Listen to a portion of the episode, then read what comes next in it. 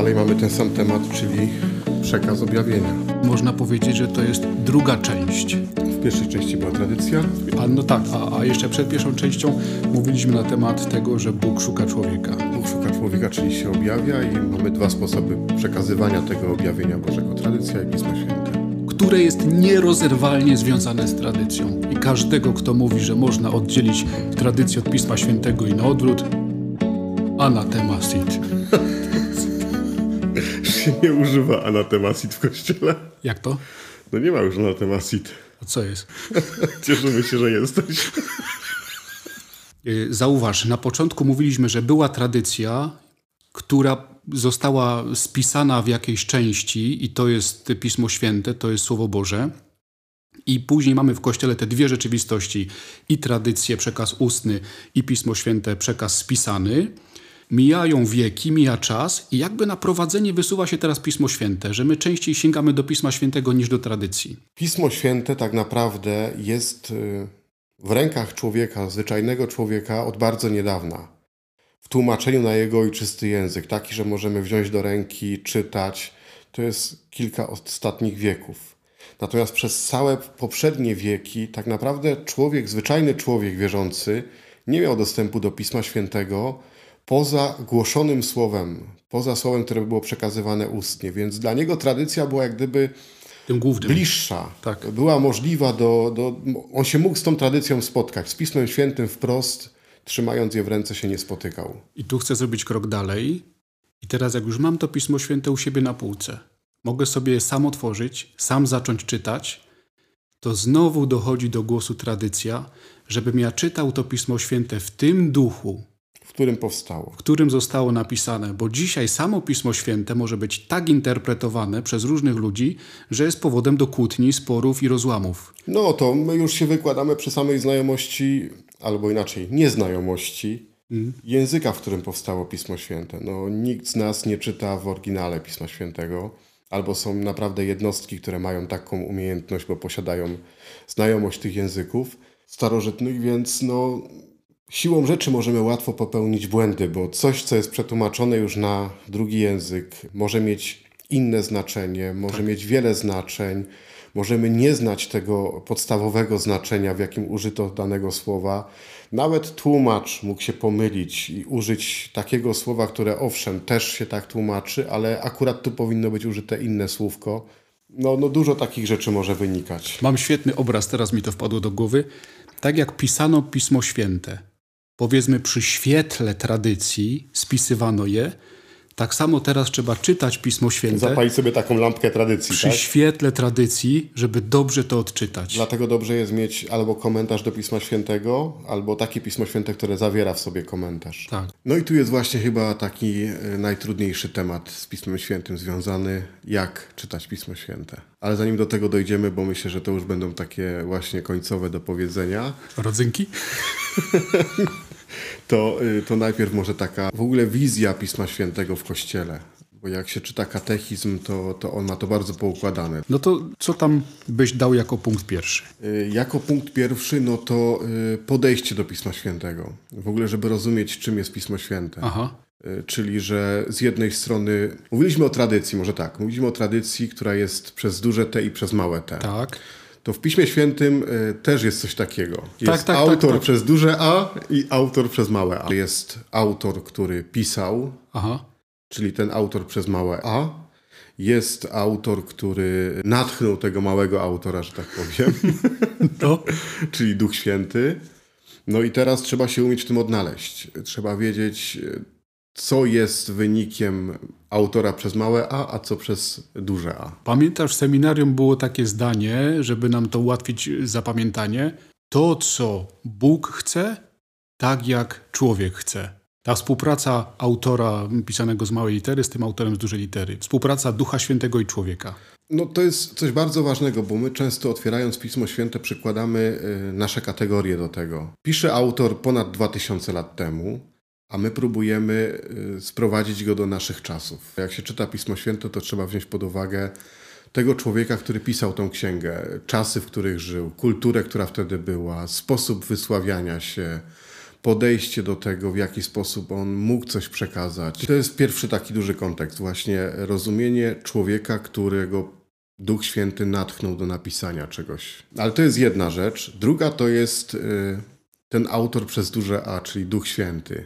I to, co robi Duch Święty teraz w Piśmie Świętym, czyli przede wszystkim jedność Pisma Świętego, że y, Duch Święty sprawia, że to się staje właśnie jedną księgą, że te takie pojedyncze księgi, tak. które pisali autorzy natchnieni, Duch Święty sprawia, że to jest całość. Druga rzecz, to już powiedzieliśmy na samym początku, że to dzięki Duchowi Świętemu my Pismo Święte odczytujemy w tradycji Kościoła. Ono tak. jest umiejscowione w tradycji Kościoła. I trzecia rzecz to jest coś, co się nazywa analogią wiary. To jest już troszeczkę trudniejsze do, do uchwycenia, że. Yy... Chodzi o spójność. No. Ta spójność, że to, o czym mówią, sens, o czym mówi każda księga, jest ze sobą zgodny. Nie może być tak, że jakaś księga pod koniec Pisma Świętego zaprzecza temu, co jest na przykład w y, Ewangeliach. Oczywiście w tym, co dotyczy objawienia, no nie? Tak, chodzi o sens, a tym sensem jest objawienie, ta Boża miłość, tym sensem jest Jezus Chrystus. Fajny mam obraz. Mówię ci, że słuchałem Szymona Chirzyckiego, tego mm, benedyktyna Styńca i on dawno temu ma cztery konferencje o lekcji Divina i w tej konferencji mówi tak. Wyobraź sobie klejnot, taki duży, naprawdę piękny klejnot, ten klejnot to jest właśnie Jezus Chrystus. I on zostaje starty na ogromną ilość części i tak rozrzucony. I te pojedyncze fragmenty to jest tak jak nasze księgi w Biblii, że całość Biblii zawiera te, te rozrzucone fragmenty tego klejnotu, ale to jest. Dalej cały klejnot. Jezus Chrystus. Nie, dalej to jest Jezus Chrystus. No to jest dobry obraz, bo pokazuje, że no, trzeba mieć wielką umiejętność i znajomość Pisma Świętego, żeby wiedzieć, że dany fragment jest spójny z innym fragmentem Pisma Świętego. Albo że jakaś księga, która nie jest w kanonie, a która na przykład była w obiegu, że tak powiem, w starożytnym kościele, nie weszła do kanonu dlatego, że z czymś nie była spójna. Co do swojego sensu, mówiła rzeczy zupełnie inne tak. niż wypływają z Ewangelii. Mówiliśmy o autorze z dużej litery A i z małej litery Czyli to mamy A. jedną część. Na razie mówiliśmy o autorze. Tak, o autorze. I mówiliśmy, że Pismo Święte jest zbiorem. Nikt, kto pisał Pismo Święte, nie uświadamiał sobie tego, że będzie jego księga częścią tego bestselleru światowego. I trzeba tutaj powiedzieć jeszcze jedną rzecz. To Pismo Święte oprócz tych podziałów na księgi ma ten podział na Stary i Nowy Testament. Tak. I to formowanie się Starego Testamentu i uznawanie za święte księgi Starego Testamentu to jest osobna historia, a uznawanie za święte, czy odczytywanie, że to jest święte, ksiąg Nowego Testamentu, to jest osobna historia. Do naszego Pisma Świętego bierzemy natchnione księgi Starego Testamentu, Starego Testamentu. te, które Żydzi uznają za natchnione. A czemu tak zrobili? Czemu wzięli Stary Testament w ogóle apostołowie? No ja mam takie porównanie albo skojarzenie, dlaczego ten Stary Testament jest potrzebny, że to jest tak, aby się odciąć, odciąć od korzeni, gdyby go odrzucić. No tak. nie? Była taka herezja, w której y, próbowano odrzucić Stary Testament. Marcjon. Marcjon. Natomiast y, no jak się patrzy na Stary i Nowy Testament, to to porównanie, które jeden z ojców Kościoła y, stworzył, że y, Nowy Testament jest ukryty w Starym Testamencie, a Stary Testament tak. rozumiemy dopiero z perspektywy Nowego Testamentu, to co jest najcenniejsze w Starym Testamencie, to jest zapowiedź Mesjasza, która się wypełnia w Jezusie. Jak się wyrzuci Stary Testament, to nie mamy zapowiedzi, nie mamy wypełnienia. I patrz, jak Duch Święty działa, ja sobie to wypisałem, że jak teraz będziemy przeżywać Wielki Post, to w liturgii słowa o czym będzie?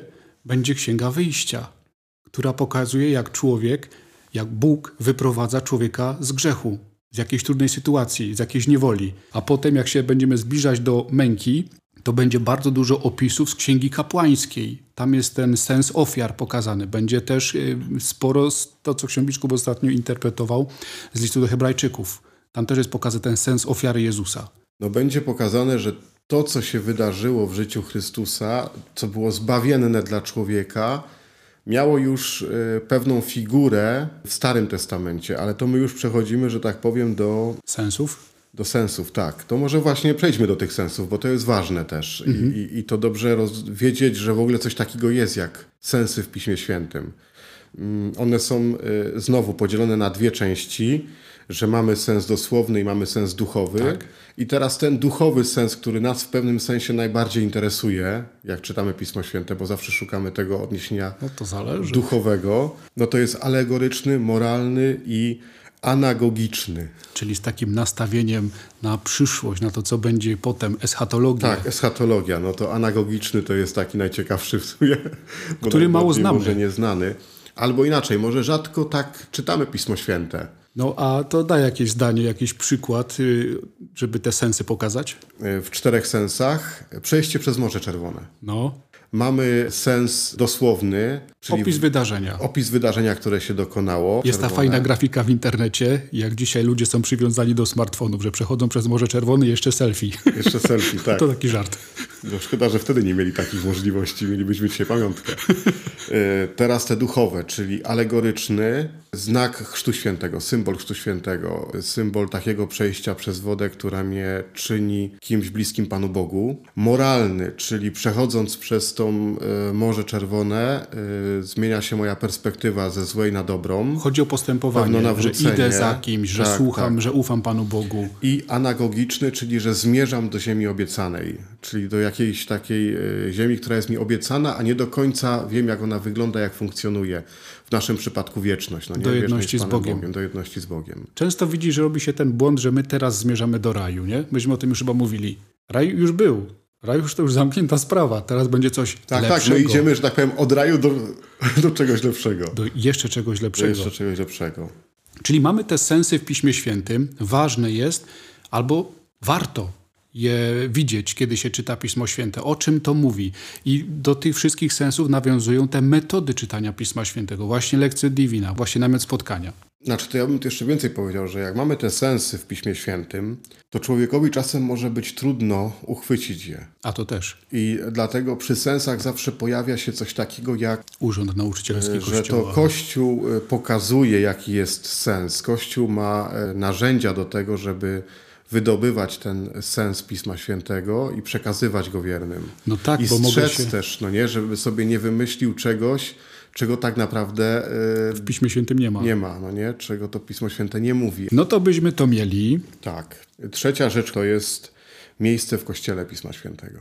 To mi się podoba taki temat. Miejsce w Kościele Pisma O. Świętego, bo to jest taki temat, który może powodować potem problemy. To jest genialny temat. Nawet sobie wypisałem coś, czego możesz nie mieć. No to powiedz, co ty doszedłeś. Jak się mówi o tym miejscu Pisma Świętego w Kościele, to tam jest pięknie pokazane, że podpora, czyli coś, co podtrzymuje człowieka, wiarę jego, relacje z Panem Bogiem, źródło siły do życia. Tak. No nie, że sięgamy do Pisma Świętego po to, żeby mieć siłę do tego, żeby żyć faktycznie tak pełnią. Utwierdza wiarę, czyli że Pismo Święte pokazuje mi, że moja wiara jest słuszna, y, że moja wiara ma oparcie, że moja wiara nie jest wymyślona, nie spadła nie wiadomo skąd. No i tam jeszcze jest to, co jest często porównywane z tym stołem Słowa Bożego, czyli pokarm, no nie? Czyli Tak. jest czymś, co trzeba nieustannie uzupełniać jakby w człowieku, no nie? Że... No, pamiętam to sformułowanie z rekolekcji, że do Pisma Świętego trzeba sięgać tak często jak do lodówki i tak często jak do łazienki. Po pokarm i po oczyszczenie. Tak, po pokarmie po Pismo Święte oczyszcza twoje intencje, myśli, motywy, bo się konfrontujesz.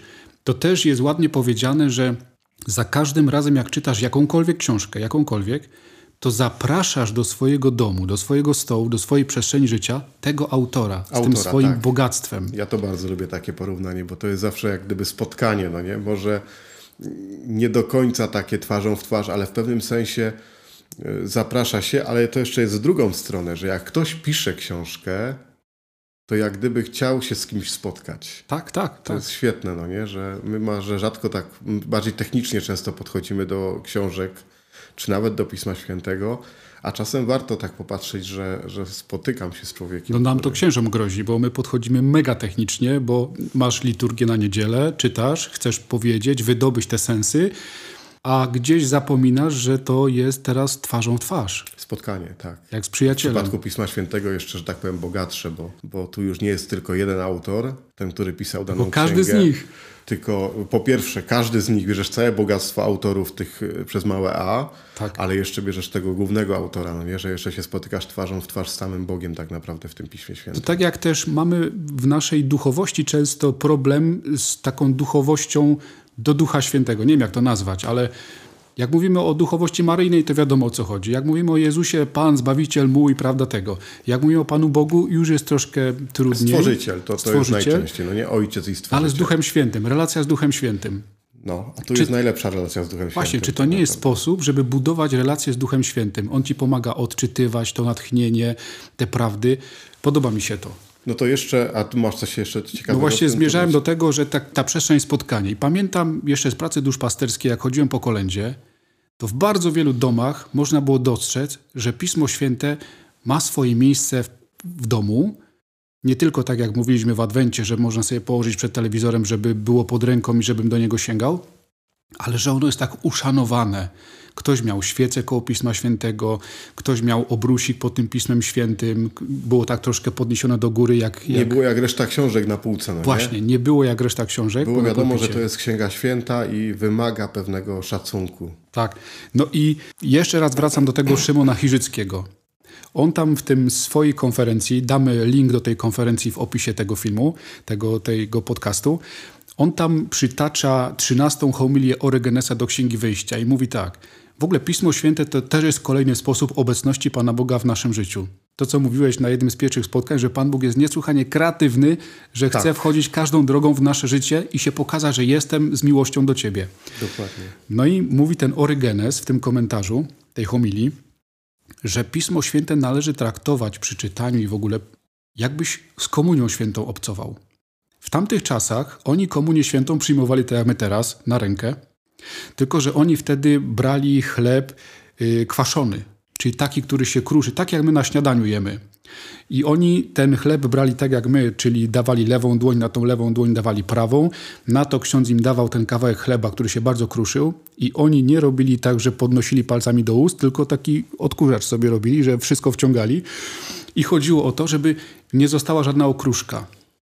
I ten Orygenes mówi, i przypatrz się, a jak ty jesteś wobec Słowa Bożego. Gdzie są twoje myśli? Czy to nie jest tak, że to słowo się kruszy gdzieś tam koło ciebie, a ty nie jesteś skupiony? No i tu mam taki obraz, czytasz Pismo Święte, nieraz tam coś mruczymy pod nosem, nieraz czytamy na głos, nieraz nam uciekają jakieś wyrazy, a to wszystko jest ważne. Czy masz taki szacunek do Pisma? Że żaden okruch, żadna jota... No to jest nawet w Słowie Bożym powiedziane, że żadne słowo nie powinno upaść na ziemię. Bezowocnie nie powrócić no. też. Czyli, że to ma taką siłę, że to są takie słowa, które faktycznie warto wyłapać Każde, bez wyjątku. No, to jest dobry moment, żeby przejść do takiego właśnie, że tak powiem, chyba ostatniego punktu, czyli jak my dzisiaj mamy podejść do Pisma Świętego. A jeszcze bym chciał o kanonie. No to jeszcze powiedz o kanonie. Bo jak byłem w domu wtedy ostatnio, tośmy się spierali, czy dość mocno dyskutowali, jak to jest, że Kościół se ustalił, że te księgi wchodzą, a te księgi nie wchodzą. Czemu w ogóle jest potrzeba kanonu?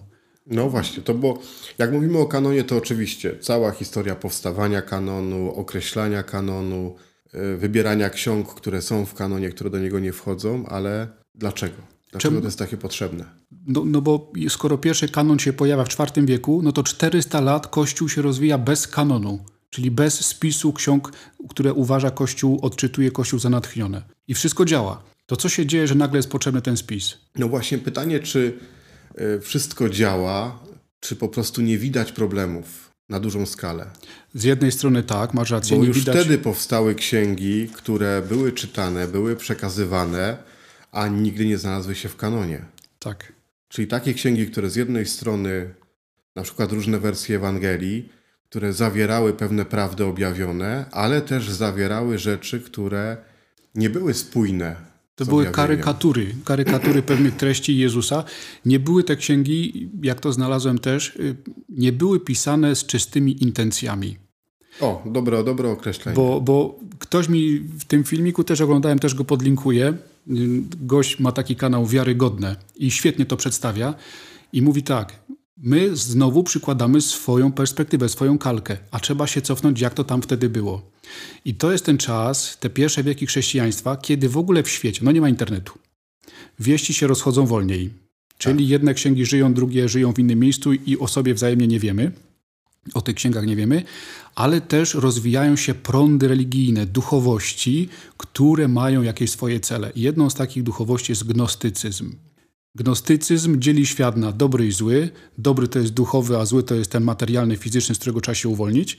I gnostycyzm wykorzystuje niektóre treści z Ewangelii Łukasza na przykład, dopisuje swoje różne rzeczy, żeby osiągnąć swoje cele.